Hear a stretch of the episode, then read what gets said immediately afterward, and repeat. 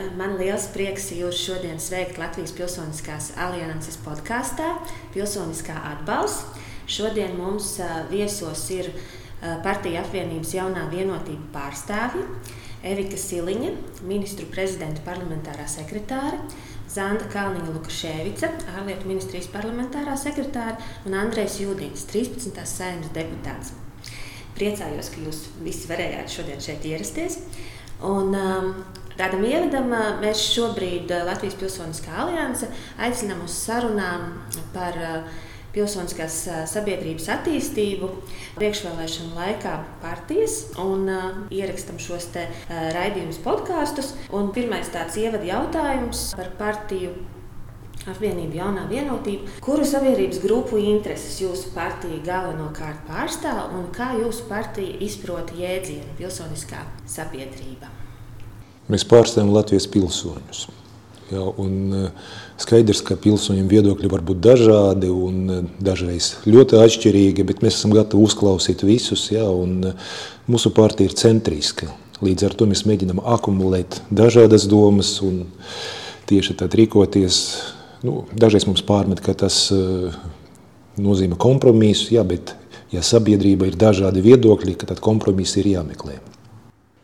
Es domāju, ka tiešām mēs partijas vienotība un apvienības jaunā vienotība gadījumā nevaram runāt par kādām grupām. Jo tas, ko mēs lūkojam, ir tiešām strādāt visas Latvijas labā un, un panākt optimālu risinājumu sabiedrības vairākumam. Un, līdz ar to arī es pilnīgi pievienojos Andrejai teiktajam, ka nav runa par atsevišķām grupām nekādā gadījumā. Un arī mūsu centriskums arī tieši uzsver uz to, ka mēs neiesim kaut kādā šaurā nišā vai tikai vienu interesu virzienā, bet skatīsimies uz valsts kopējām interesēm. Un, ja mēs runājam par jēdzienu pilsoniskā sabiedrība, Nu, ja drīkst, tad es, ja es varu sākt. Jā, man vispār šis iedziens nešķiet ļoti veiksmīgs. Jo vairāki cilvēki sāk domāt, ah, nu tie ir pilsoņi, jā, bet tas nav jautājums par pilsonību. Būtība pilsoniskā sabiedrība nozīmē, ka valsti ir cilvēki, kas var patstāvīgi vai apvienojoties, rīkoties, lai risinātu kaut kādus jautājumus, neiesaistot valsts institūcijas. Tad proti, ka nav tikai tā vertikāla sistēma, kā tur saima, valdība un cilvēks kā izpildītājs. Bet tas nozīmē, ka cilvēki paši pieņem lēmumu, paši iesaistās problēmu risināšanu, paši runā skaļi. Un labā valstī šos cilvēkus ieklausās. Un valsts nu, nav tā, ka skatās nu, un neko neredz. Valsts runā ar šiem cilvēkiem un ņem vērā viņu viedokli. Tāpēc pats nosaukums, tā pilsoniskā eh, sabiedrība, bieži vien nav skaidrs. Nu, tas ir tulkots arī angļu valodā, civil society, teiksim, varbūt nu, neatklāja to būtību. Bet atslēgas vārds brīvība, brīvi cilvēki. Un es vēl varētu teikt, ka tie ir noteikti cilvēki, kas jūtas piederīgi Latvijai, šai valstī. Nu, tie ir arī noteikti cilvēki, kurus mēs pārstāvam. Tas būtu pavisam vienkārši. Un, eh, un, ja mēs runājam par, eh, par pilsoņiem un to, cik svarīgi ir pilsoņu balss, tad uh, Sājuma ir apstiprinājusi pilsoniskā dialogu nozīmību, iekļāvusi to napā, taču šī politiskā apņemšanās, diemžēl, nav ieviesta praksē, nav ieviesta tiesiskajā regulējumā. Praktiski tas nozīmē, ka pilsoniskās organizācijas, nevalstiskās organizācijas, viņas nav līdzvērtīgi partneri, kā sociālie partneri, kā arotbiedrības, kā LDDK, un līdz ar to lēmumu pieņemšanas procesā mēs netiekam aicināti pie šī uh, sarunu galda. Un, uh, Kāds ir jūsu partijas viedoklis šajā jautājumā? Vai ir plānots Latvijā atzīt un praksē ieviest pilsonisko dialogu? Es domāju, ka jūsu jautājumā varbūt nevisai pareizi. Vai es ne, nevarētu piekrist tam, kā jūs uzstādījāt jautājumu, tāpēc, ka jebkurā gadījumā nevalstiskās organizācijas ir līdzvērtīgi partneri un jūs tiekat uzklausīti. Tas, ka vienkārši šobrīd likumā varbūt trūkst instrumentu, lai jūs sēdētu pēc, pie tā viena galda, eh, varbūt eh, līdzīgās tiesībās, kā tas šobrīd ir eh, sociālā dialoga partneriem, tas ir cits jautājums. Tas ir tiesību jautājums, likumdošanas jautājums, kas noteikti ir jāsakārto. Jo jūs noteikti esat, tiekat sadzirdēti, bet tas, ka iespējams likumdošanā trūkst kāda instrumenta, lai jums katru reizi nebūtu jālaužas durvīs, lai jūs varētu visu laiku turēt rokā šo atslēgu, es domāju, tas ir tas, par ko mums noteikti būtu turpmāk jāvienojas un tas būtu jāpanāk. Es pilnīgi pievienoju sevi, ka es tu, principā to arī gribēju teikt. Te ir divi jautājumi. Viens jautājums par iesaisti, otrais jautājums, vai likuma tas nostiprināts. Es varu runāt par saimu un uh, mūsu komisijas, apakškomisijas nevalstiskais vai nevaldības sektors aktīvi strādā. Un uh, aicinām, paši piesakās, vārds ir dots, un tad iespēja piedalīties diskusijās. Bet cits jautājums, ka, protams, es redzu komisijas, kur es strādāju, es neizslēdzu kaut kur, varbūt arī citādāk. Un te ir problēma. Ja mums normatīvajos aktos nav paredzēts, ka ir tiesības piedalīties, ir tiesības būt uzklausītiem, tad var sanākt tā, ka kāds var iedomāties, ka tas nemaz nav vajadzīgs. Bet, nu, es varu runāt par mūsu partiju, jā, tad uh, mūsu partijas biedriem, jā, nu, mēs atbalstam nevalstisko sektoru un es redzu, ka mēs esam dialogā. Bet par grozījumu normatīvajos aktos noteikti vajadzētu domāt. Un tālāk Runājot par, par uh, sadarbību arī politiskajā un ierēdniecības uh, līmenī, par uh, galveno sadarbības partneri, kas būtu nevalstiskajam sektoram, jo nu, līdz ar krīzi 2009. gadā tika likvidēta īpašu uzdevumu ministra sabiedrības integrācijas lietā, lietās sekretariāts, un līdz ar to izpalika šī viena institūcija, kas būtu atbildīga par pilsoniskās sabiedrības stiprināšanu likumdošanu un attīstības politiku. Un līdz ar to daudzās situācijās ir tā, ka pilsoniskajai sabiedrībai nav tas, tā, tā viena institūcija, pie kuras vērsties. Nu, ir jā, jāgriežas katrā atsevišķā gadījumā pie kaut kādas citas institūcijas. Līdz ar to īpaši krīzēs to ievērojami jūt. Un, um, jautājums, vai šo situāciju kaut kā būtu iespējams risināt, un uh, vai partiju apvienība vienotība domā, kur, kur, kura institūcija varētu būt piemērotākā šim, te, šim uzdevumam? NVO ministriju mēs neveidosim. Ja? Tas nebūtu pareizi, tā birokratizācija nemaz nav vajadzīga. Saturiski, protams, atkarība no tā, kāda, ar kādiem jautājumiem strādā NVO. Nu, nu, tā izvēlas, ar kādām institūcijām komunicēt, ar kuru ministru, ar kuru komisiju. Runājot par saimu, es redzu divas komisijas, kas strādā ar eh, nevalības sektoru. Jā, tā ir eh, viena eh, cilvēktiesību un sabiedrisko lietu komisija, tā ir likumdošanas komisija un arī pilsonības, sabiedrības saliedētības. Tad migrācijas komisija mēs arī regulāri aicinām nevalstisko sektoru, ja, tad, lai uzklausītu, lai saprastu. Tad, bet galvenā komisija varētu būt, nu, tā ir faktiski, ja, tā ir cilvēktiesību komisija. Runājot par izpildvāru. Vēsturiski mēs skatāmies uz eh, kultūras ministriju. Ja, tad, eh, protams, ka, lai būtu nepārprotami, var domāt, lai nu, tas būtu vēl skaidrāk ierakstīts. Un ļoti liela loma, manuprāt, SIFam, kas nu, praktiski eh, menedžē vairākus procesus un var arī organizēt diskusijas, apspriešanas. Es sapratu to vēlme, lai būtu tā vien, viens telefons kuru var piezvanīt, vai viena atbildīga persona, bet šeit ir vairākas atbildīgas personas, un es domāju, no tā arī var būt savs labums, jo nav tā, ka viss ir koncentrēts, un tad, viņ, ja atbildīga persona kaut ko dara, tad kaut kas notiek. Šeit ir vairāki cilvēki, cilvēki ar kuriem varu runāt. Droši vien tas jautājums arī sasaistās ar iepriekšējo par teiksim, formālāko arī šo pilsoniskās sabiedrības iesaisti. Un, nu, piemēram, ja tas notiek caur memoranda padomi, tad, tad iespējams arī Caur to var veidoties šis vienas pieturas punkts, teiksim, savu interesu pieteikšanai, tikt iesaistītiem vienā, otrā, trešā jautājumā. Tā ir varbūt viena lieta. Otra lieta, ja jautājums ir teiksim, par finansējumu un, un tiešām arī par valsts atbalstu pilsoniskās sabiedrības darbam, tad nu, tas droši vien ir teiksim, šaurāks. Tas nebūs tā, ka ja viena ministrija ir, ir tā, caur kuru ir šis finansējums pieejams, ka viņi tad atbildēs arī par citu tēmu jautājumiem. Un šī brīdī es domāju, ka tieši pats pilsoniskais sektors vislabāk varētu nākt ar priekšlikumu, kā to risināt. Vai jūs gribat vienu, teiksim, redzat, ka ir vajadzīgs tāds viens pieturas punkta aģentūra, ar ko pieteikt jebkādus jautājumus, vai teiksim, šis jautājums vairāk ir ori tiešām orientēts uz šo finanšu daļu, vai arī nu, vēl kādas citas nianses. Un vislabāk jau paši darītāji zina, kas darbotos. Man kolēģi jau minēja tās iespējas, kādas šobrīd jau ir un kādas vēl var attīstīt. Es varbūt visā tajā varētu pieminēt, ka šobrīd jūs jau labi sadarbojoties ar valsts kancelēju. Protams, valsts kancelēja nav ministrija, kur varbūt var virzīt tādas nozares ministrija intereses, bet tāds centrālais punkts noteikti arī valsts kancelējas lomā te, nu, jāsaskat. Un, Noteikti no tāda organizatoriska un koordinācijas viedokļa, noteikti valsts kancelēja liela loma, jo viņi jau ar jums sadarbojas, tāpat stiprina šo šo sadarbības memorandu. Un, un varbūt tāds viens konkrēts punkts nemaz nebūs iespējams. Jums varbūt pašiem tas nebūs tas labākais risinājums. Tā kā katrā ziņā tie kontaktpunkti ir vairāki, bet nav arī tā, ka viņi ir ārkārtīgi daudz. Paldies! Un, uh... Nākamais jautājums par, par sabiedrības noturības spēju un saliedētību. Jo Covid krīze un karš Ukrainā mums ir parādījuši, ka Latvijas sabiedrībā ir lielas problēmas šajā, šajā jautājumā. Kādi būtu jūsu partija apvienības plāni, lai stiprinātu sabiedrības saliedētību un noturības spēju? Nu, mums ir komisija saima, kur mēs visu laiku runājam un dzirdam pārmetumu, ka sabiedrība joprojām nav saliedēta un integrēta. Ja, tad ir jāsaprot, cilvēki ir dažādi un uh, mēs nekādā gadījumā nevaram un pat nesapņojam un negribam panākt, lai visi būtu līdzīgi.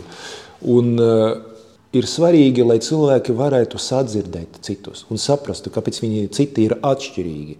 Tāpēc šeit nav citas iespējas, kā runāt, un skaidrot. Jo ar likumu nu, nevar panākt, ka sabiedrība ir integrēta. Bet mums ir problēmas. Un, eh, pēdējā laikā mēs daudz runājam par etniskā jautājumu, ja, kā atšķirīgas uzskati, viedokļi. Ja, un, tad, un tā jau ir tāda dažādība, kas, eh, nu, manuprāt, aiz pieļaujamības robežas. Ja, teiksim, tad, es pats brīnos, ka teiksim, iepriekš mēs nedzirdējām teiksim, tik radikāli, teiksim, tā, varbūt tādu radikālus viedokļus, ja, tagad, jo cilvēki tiešām tad eh, ļoti sāpīgi uztver vairākus notikumus, ja, tad, bet eh, ir jārunā, ir jāskaidro un eh, jāaicina cilvēkus tad arī ieklausīties citās domas. Ja, un man priecē, ka mums ir arī projekti un arī nevalstiskais sektors iesaistīts un strādā šajā jomā. Un es domāju, tas ir daudz, daudz efektīvāk nekā, ja valsts, piemēram, tad, nu, pati saktu, teiksim, kaut kādu reklāmas kampaņu, būsim saliedēti. Nu, tas nestrādās.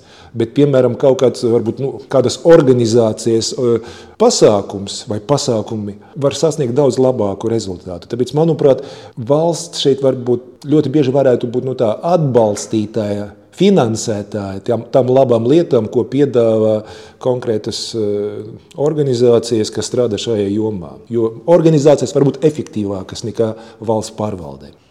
Es domāju, arī tiešām šobrīd šis uh, Krievijas uh, īstenotais karš Ukrainā satricināja sabiedrību, absolūto vairākumu saliedēja un vienlaikus, domāju, arī skaidri parāda, ka šī saliedētība ir iespējama tikai uz skaidru un konkrētu vērtību pamatu. Un ar to es domāju, demokrātiska un eiropeiska valsts. Un uz šīs demokrātiskas un eiropeiskas valsts kā vērtības pamata ir iespējama šī saruna, ir iespējama saliedētība un, un, un sabiedrības kopā sanākšana un arī kopā strādāšanu valsts stiprināšanai. Vienlaikus šobrīd situācija pēc 24. februāra ir nu, atklājusi, tiešām, ka acīm redzot, nav iespējama simtprocentīga saliedētība. Tas ir jāatzīst un, un, un ir jāpiedāvā cilvēkiem ieraudzīt, ko nozīmē demokrātiska Eiropas valsts un izdarīt savus izvēles. Bet noteikti nu, mēs nevaram šobrīd saliedēties ar teiksim, individu kurš, piemēram, kaismīgi atbalsta kara noziegumus un genocīdu. Ja, un, un, un šis karš būs iezīmējis noteikti arī tādu robežu šķirtni, es domāju, mūsu izpratnē par to, kā var notikt saliedētība, uz kā pamata tieši šo demokrātisko eiropisko vērtību pamata, ka viņa nevar būt tāda pilnīgi absolūta. Mēs runājam arī par tādu demokrātijas pašaizsargāšanos, pašaizsardzību. Un, uh, papildus tam, ko jau minēja mani kolēģi, tā ir runāšana, skaidrošana, acu atvēršana un savu vērtību salīdzināšana ar to, kādā valstī es dzīvoju. Es vēl teiktu, ka noteikti svarīgi ir arī tas, ka valsts šobrīd aktīvi rīkojas, ka mēs arī kā sabiedrība aktīvi rīkojamies un iespējams pieņemam drosmīgus lēmumus, kādus mēs līdz šim nepieņēmām, ka mēs apzināmies, ka mēs dzīvojam hibrīda kara apstākļos, ka ir ļoti daudz dezinformācijas apkārt un arī tas piemērs, ka mēs esam slēguši kanālus, kas izplatīja dezinformāciju, manuprāt, arī ir būtisks apstākļus sabiedrības saliedēšanā. Jo vienai daļai sabiedrības mēs eh, līdz ar to atveram acis un ļaujam paskatīties eh, tādā varbūt lielākas brīvības virzienā, lielākas demokrātijas virzienā. Un tas varbūt ir kaut kas jauns, kas ir ienācis mūsu politiskajā vidē, ka mēs esam drosmīgi un mēs papildus runāšanai arī rīkojamies. Un pieņemam, jā, arī šāds kardināls lēmums, slēdzot kanālus, slēdzot internetu vietnes, kas apzināti izplata pretvalstisku informāciju. Bet runājot par procesu, nu, ir svarīgi saprast, ka nevar būt tā, ka cilvēks neko nedarīs, bet viņu integrēs un saliedēs. Un tā kā pareizi kolēģis arī teica, ka nu, tas ir tād, nu, teiksim, tā divpusējs process. Mēs varam piedāvāt, bet cilvēkam pašam ir vai nu jāpieņem, vai ir jādomā, nu, varbūt pat jāmeklē kāda cita sabiedrība, kur ir labāk, komfortāk. Mēs nevaram mainīt eh, cilvēku. Mēs varam vienkārši nu, tā piedāvāt tā palīdzības roku, mēs varam palīdzēt tiem, kas grib integrēties mūsu sabiedrībā. Bet uh, svarīgs vārds, kas izskanēja, ko arī Zanda teica, tas ir vērtības, tas, kas vieno cilvēkus. Un cilvēkam jāpadomā, kas viņam ir svarīgi, tieši kurā sabiedrībā viņš grib dzīvot. Nu jā, jo cilvēki jau arī apvienojas kaut vai nevalstiskajās organizācijās vai interešu grupās, pamatojoties uz kaut kādām kopīgām vērtībām. Un patiesībā valsts arī veidojas vadoties no kopīgām vērtībām. Mēs, veidojot valsti, nodefinējam, ka mēs esam tādi un tādi, dzīvojam šajā teritorijā, mums ir kaut kāda robeža, runājam vienā valodā, daudz maz vienā. Protams, ievērojam arī to, ka ir citas valodas šeit, bet galvenā ir viena valoda, tā ir latviešu valoda, un mēs visi iestājāmies par demokrātiskām vērtībām. To, pieņemot Latvijas satversmi jau tālajos 20. gados, mēs esam nodefinējuši. Paldies! Un eh, par nevalstiskajām organizācijām runājot, eh, mēs jau iepriekš ieminējāmies par to, kā, kāda ir eh, nevalstisko organizāciju loma Latvijas sabiedrībā, organizācijas īsteno daudzas dažādas iniciatīvas, kuras neīsteno ne valsts, ne pašvaldības iestādes, ne biznesa sektors, līdz ar to ir neaizstājams spēlētājs dažādās nozarēs, sociālajā aprūpē, veselības aprūpē sportā, kultūrā, izglītībā, demokrātijas attīstībā un tā joprojām.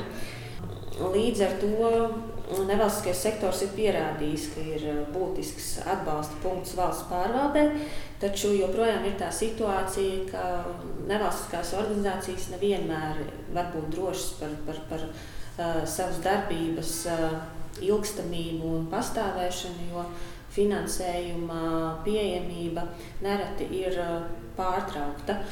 Un, līdz ar to jautājums par finansiālo vidi. Vai jaunajai vienotībai ir kāda apņemšanās tuvākajos četros gados attīstīt pilsoniskās sabiedrības finansiālo vidi Latvijā? Es domāju, ka visi saprot, ka valsts nevar maksāt algas tad vairs nebūs nevalstiskais sektors, būs kaut kas cits, ja mēs regulāri maksāsim algas. Bet kas ir svarīgi? lai valsts paredzētu finansējumu nevalstiskajam sektoram. Nevis atsevišķam organizācijam konkrēti iezīmētam, tad, bet sektoram. Un man priecē, ka pirms dažiem gadiem, 15. man šķiet, ja, bija 400 tūkstoši, tad uh, bija, uh, tas bija pirmais gads, kad uh, izveidoja NVO fondu, šogad ir 2 miljoni. Vai tas ir pietiekami? Manuprāt, vajag vairāk, un par to ir jādomā. Un, uh, Manuprāt, tā ir valsts, varbūt, eh, val, vai valsts amatpersonu tāda nepareiza domāšana. Jo kā ekspertus NVO mēs gribam redzēt. Ja? Tad mēs gribam, lai būtu eksperti, kas atnāktu un teiktu, kas ir pareizi, kas nepareizi, lai viņi visu izpētītu. Bet ir jāsaprot, ka tie pētījumi ir jāfinansē. Tā, tāds darbs eh, ir jāveic. Un, eh, protams, ka ir jābūt konkursiem bet ir jābūt finansējumam. Un nevajadzētu domāt, nu, tā kā es dzirdēju no kolēģiem, ka nu, tur ir Eiropas konkurss, jūs varat tur pieteikties, nopelnīt sev naudu un pēc tam atnākt pie mums un pastāstīt, kā labāk un pareizāk. Ir jāsaprot, ka tie konkursi, ko organizē Eiropas komisija, teiksim, Norvēģu konkursu un citi, tā ir laba lieta un jāizmanto šīs iespējas bet ir arī mūsu atbildība. Un eh, domājot par eh, to, ko var darīt, nu, protams, ka budžeta var iezīmēt un vajadzētu iezīmēt lielāku naudu, ja, tad eh, nu, vajadzētu, lai būtu palielinājums. Un var paskatīties arī nodokļu virzienā. Mēs runājam savā starpā kolēģu vidū tieši par to, ka vai, ne, vai ir iespēja nu, teiksim, daļu no tiem nodokļiem, ko maksā cilvēks, novirzīt nevalstiskajam sektoram, lai cilvēks varētu izvēlēties. Ja, Diemžēl Covid karš un visas tas aktualitātes neļauj mums to domu attīstīt. Bet tā doma ir dzīva, ja, un mēs joprojām domājam par to. Var domāt par ziedojumu, teiksim, kārtības atvieglojumu. Tad, tad, nu, manuprāt, saime ir ko darīt, un man priecē, ka nu, nav tā, ka mūsu partija vienam cilvēkam ir tāda doma, un citi jautā, kas tas ir. Kad mēs runājam savā starpā, es redzu, izpratne ir, gatavība ir, cilvēki apzinās, ka tas ir svarīgi. Nu, palika tad vienīgais, ka tas ir jāizdara. Jā, jo programma tas ir, jā, bet diemžēl līdz šim brīdim tas nebija realizēts tā, kā mēs to redzējām. Bet darbs tiks turpināts. Nu, mēs jau esam palielinājuši finansējumu nevalstiskajām organizācijām. Es domāju, tur, tur Andrēs jau izstāstīja tās summas. Ne tikai budžeta finansējums, bet arī ir piesaistīts finansējums gan no dažādiem fondiem, kur piedalās tāpat arī mūsu ministrijas Tur arī nevalstiskajām organizācijām šobrīd ir iespējas. Es domāju, mums kā Latvijas amat, nu, pārstāvošajām Latvijas pārstāvošajām amatpersonām noteikti arī jāveicina jebkurā gadījumā arī cita finansējuma piesaiste nevalstiskiem sektoram, jo mēs esam arī zināms lobbyis, mums ir zināma balstiesības varbūt ne tik daudz rūpēties tikai par ceļu infrastruktūru, veselību un tādām nozarēm, kas, protams, ir viennozīmīgi svarīgi, bet arī padomāt par šo nevalstiskā sektora lielāku finansēšanu ne tikai no budžeta, bet arī no šiem citiem instrumentiem, kas ir diezgan patstāvīgi un noteikti. Zanda noteikti labāk zinās, kā to plāno Eiropā, bet jebkurā gadījumā piesaistīt arī dažādus citus investorus, kas būtu interesēti, pieņemsim, Latvijas nevalstiskajā sektorā investēt. Tā kā, nu, manuprāt, mēs to visu darām, bet tendence ir pozitīva, augoša un domāju, tā arī turpināsim. Ja es gribu varbūt piebilst, ja drīkst, tad eh, mēs runājam par, lielo, par lielu naudu, nepieciešamību palielināt, bet Ir arī ļoti labi piemēri, kad eh, arī ar relatīvi nu, teiksim, nosacīt nelielam summām ir izdarīts ļoti daudz. Un tie piemēri tieši skatos uz Zandu, tad uz ārlietu ministriju, kas dažreiz ar, ar nelielam summām palīdzot atsevišķiem organizācijām, tad iedrošina viņu strādāt. Viņi jūt atbalstu, viņi ir dialogā ar ārlietu ministru. Un tas ir ļoti, es domāju, Zanda pati labāk var izstāstīt, bet es vienkārši dzirdēju no tām organizācijām ļoti pozitīvas atsauksmes. Es redzēju, ka tas strādā, bet nu, Zanda labāk zina, es tā vienkārši vienkārši redzu, ka tas ir ļoti, ļoti labi. Jā, bet noteikti arī primāri domā par diasporas politiku, kur tieši Jā, tā tika izveidot šis eh, jumta organizācijā, ieviešot sistēmu un, un vienotu pieeju. Un, eh, kur tiešām ar, ar, ar eh, nelielu finansējumu vienlaikus ir izveidota ļoti laba sadarbība. Bet kopumā skaidrs, ka pilsoniskam sektoram ir vajadzīgas finanses. Tieši tā šo darbu paveikšanai, iesaistoties arī likumdošanas procesā, iesaistoties arī valdības lēmumu pieņemšanas procesā, kur zināšanas ir, ir vajadzīgas sektora resursiem. Un uh, otra lieta, arī, ko mēs esam redzējuši abās pēdējās krīzēs, gan uh, Covid laikā, gan šobrīd uzņemot Ukraiņas cilvēkus Latvijā, tas, ko ir paveicis pilsoniskais sektors, ir neatsverams. Ukraiņas cilvēku uzņemšana no pirmās dienas mobilizējās tieši uh, pilsoniskais sektors, uzreiz piedāvājot iespējas.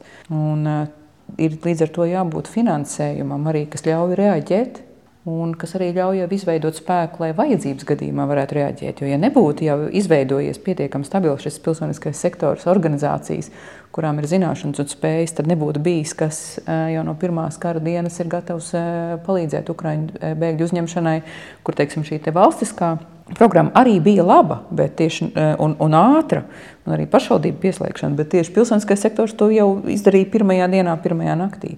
Līdz ar to skaidrs, ka ir jāturpina tas stiprināt un, un, un caur šo memorandu padomu, caur sadarbību un arī caur finansējumu. Un, manuprāt, tā bija visu laiku formulējums publiskais finansējums. Vai tas ir valsts pamatbudžets, vai tie ir Eiropas Savienības līdzekļi, vai tas ir Norvēģu vai, vai, vai Šveices fondi. Tas viss ir publiskais finansējums, kas ir kopīgi jāplāno. No tā tad attiecīgi jēdzīga daļa ir jābūt pieejamai, tā skaitā arī pilsoniskai sabiedrībai viennozīmīgi. Un noslēgumā vēlējos jautāt, pēdējos gados mēs jūtam arī, ka nevalstisko sektoru arī valsts pārvaldē un, un politiskajās aprindās daudz, daudz labāk jau atpazīst un saprot to darbu, ko mēs darām, bet joprojām varbūt ir kaut kādas lietas, ko mēs varētu darīt labāk, vai, vai skaidrāk, vai citādāk. lai mūsu balsis tiktu labāk sadzirdētas un tas, ko mēs darām, varētu būt labāk izprast. Tāpēc vēlējos jautāt, varbūt jums ir kādas idejas, kas tas varētu būt, ko mums vajadzētu darīt citādāk. Nu, es domāju, ļoti svarīgi ir arī, ka jūs spējat apvienot uh, zem tādām varbūt uh, lielākām, lielāku daļu nevalstisko organizāciju, tādās, nu, nezinu, teikt, jumta organizācijās, bet, nu, kādā vienā lielākā, kā, pieņemsim, ir alianse. Un tas ļoti palīdz dialogā ar valdību, saimu, kad ir šis konsolidētais viedoklis. Jo, protams, viens ir runāt ar 60, 70 organizācijām, Un reizēm tu vari pazust visā tajā dialogā, kas varbūt arī nav slikti kaut kādā posmā. Bet pieņemot jau ļoti konkrētus uh, lēmumus, ārkārtīgi svarīgi tomēr ir, ka šis viedoklis jau ir iekšēji izdiskutēts un viņš nonāk jau tādā koncentrētākā veidā, pieņemsim, pie ministrijām, pie valdības vai saimām. Tā kā Jo jūs spējat iekšēji būt organizētāki, jo noteikti tas labāk rezonē arī uz valdību un uz sadarbību ar politiskajām partijām. Un, nu, vismaz no mūsu puses tā tas izskatītos, ka tas daudz labāk, protams, rezonē. Manuprāt, vispār nu, man nav nekāda pamata iemesla kaut ko pārmest vai teikt nevalstiskajam sektoram, ka nē, mēs gribam, lai jūs darītu citādāk. Principā nu, tikai paldies par to, ka cilvēki apvienojoties risinā problēmas, par to, ka viņi ir aktīvi. Un e, runēt, e, ko varbūt nu var darīt e, vairāk, svarīgi, lai jūs reklamētu savus panākumus, stāstītu par to, kas tiek darīts, ja? un tad, lai cilvē, citus cilvēkus iedvesmotu. Jo nevaldības vai nevalstiskais sektors, nu tā ir pamata, tā ir cilvēka brīvība, cilvēka vēlme mainīt savu dzīvi, negaidot, ka citi kaut ko sakārtos, atrisinās. Tā ir tā, nu, tā klišejiski izklausās, bet tā aktīva dzīves pozīcija. Jā, un tad, un, ar savu darbu svarīgi, lai jūs veicinātu citu cilvēku iesaisti. Jo es domāju, demokrātija nu, nav tikai nav iespējama, ja ir valsts institūcijas, kas funkcionē, bet eh, cilvēki ir eh, pasīvi, viņi neko nedara. Tad, tad, Valsts ir stipra, spēcīga, ja cilvēkiem ir atšķirīgi viedokļi. Un tas, kas mums brīžam nepatika, nu, viedokļu dažādība, nevar vienoties, tas ir ļoti svarīgi, ka mums tā ir. Tad tas demonstrē, ka mēs esam dažādi. Mēs varam apvienoties, lai kopīgi risinātu problēmas, lai sasniegtu rezultātu, bet mēs esam dažādi. Es tikai varu novēlēt jums strādāt, strādāt aktīvi un iesaistīt vēl vairāk cilvēkus procesā pilsoniskā sabiedrība Latvijā ir stipra, un eh, par to ir milzīgs prieks. Eh, ja es nobeigumā tiešām eh, gribu pateikt vēlreiz milzīgi paldies par visu, kas tika izdarīts šobrīd, lai palīdzētu Ukrainai un, un lai palīdzētu Ukraiņu cilvēkiem šeit Latvijā. Tas arī parādīja mūsu briedumu, sabiedrības spēju daudz darīt, nesautīgi darīt. Un visas humanās palīdzības kravas, kas tika no Latvijas nosūtītas uz Ukrainu, uh, Jā, valsts pusē palīdzēja sakrātot dokumentus, bet šīs kravas lika kopā, organizēja nevalstiskais sektors. Nevalstiskās organizācijas, fantastiski. Un tieši tāpat arī atbalsts šeit uz vietas cilvēkiem, kas atbrauc no Ukrainas, kam vajag, vienam vajag palīdzību iedzīvoties, otram vajag bērnam drēbes, trešam vajag tiešām arī kādu ļoti specifisku atbalstu konkrētajā vietā. To atkal izdara mūsu cilvēki caur nevalstiskām organizācijām. Kā liels, liels paldies! Un, īstenībā tas iedrošina, redzot, cik spēcīgs ir, cik gatavs reaģēt uz, uz grūtām, negaidītām situācijām un arī valstiski svarīgām lietām. Vai ir vēl kādi komentāri, kā, kaut kas, ko es neesmu pajautājusi, bet jūs vēlētos pateikt noslēgumā? Lai jums izdodas tas, ko jūs esat iecerējuši, esiet drosmīgi, aiciniet vairāk politiķus, jautājiet viņiem, izmantojiet šo priekšvēlēšanu laiku, lai viņi arī atbild varbūt uz grūtiem jautājumiem, tā kā mēs to darījām. Un es arī noteikti gribu pateikt lielu paldies par to, ka jūs esat, to, ko jūs darat. Es jūs redzu kā tādu sasaiti eh, tajos daudzajos grūtajos horizontālajos jautājumos, kas savalk reizēm kopā arī ministrijas, kas varbūt negrib sarunāties, vai dažādu nozaru pārstāvjus, un tā jūsu loma tajā ir ārkārtīgi liela. Jūs esat kā tāds elastīgais elements, kas savalk visus kopā. Tā kā es novēlu jums to arī turpmāk darīt, un, un, un tiešām izmantojot iespēju pateikt lielu paldies ka jūs esat bijuši aktīvi, tādi līdzvērtīgi un fenomenāli partneri arī valstī ļoti grūtā situācijā, sākoties gan Ukraiņas karam, gan arī Covid laikā. Un es domāju, ka nu, visam svarīgi apzināties, ka nevienmēr ir tā, ka ir gaišas domas, var atnākt piemēram uz saimu un visi aplaudēs. Ja? Tad ļoti bieži sanāk tā, ka tur nesaprot, nepieņem. Un, es domāju, ka ir svarīgi, lai tie, kas strādā, kam ir pārliecība, lai viņi turpinātu strādāt un mēģināt pārliecināt. Jo visi ir cilvēki. Un nav tā, ka valsts sektora nu, visi visu uzreiz var saprast. Domāšana var būt dažāda, cilvēki var būt tiešām vajadzīgs laiks. Bet, ja ir pārliecība, es lūdzu, es aicinu tieši tā cīnīties par to, lai sasniegtu rezultātu. Jā, pilsoniskā sabiedrība, nevalstiskās organizācijas ir ļoti svarīga daļa no tā, kā veidojas labāka valsts kopā ar valdību, kopā ar parlamentu, kopā ar pašvaldībām, iesaistot cilvēkus. Mēs redzam, ka kaut kas aug, ja, kā, kā, kā uzlabojas lēmumi, kā, kā uzlabojas arī ekonomika, arī iespējas. Kopā mēs spējam daudz izdarīt. Paldies, paldies par jūsu laiku, paldies par sarunu. Paldies! Paldies! paldies.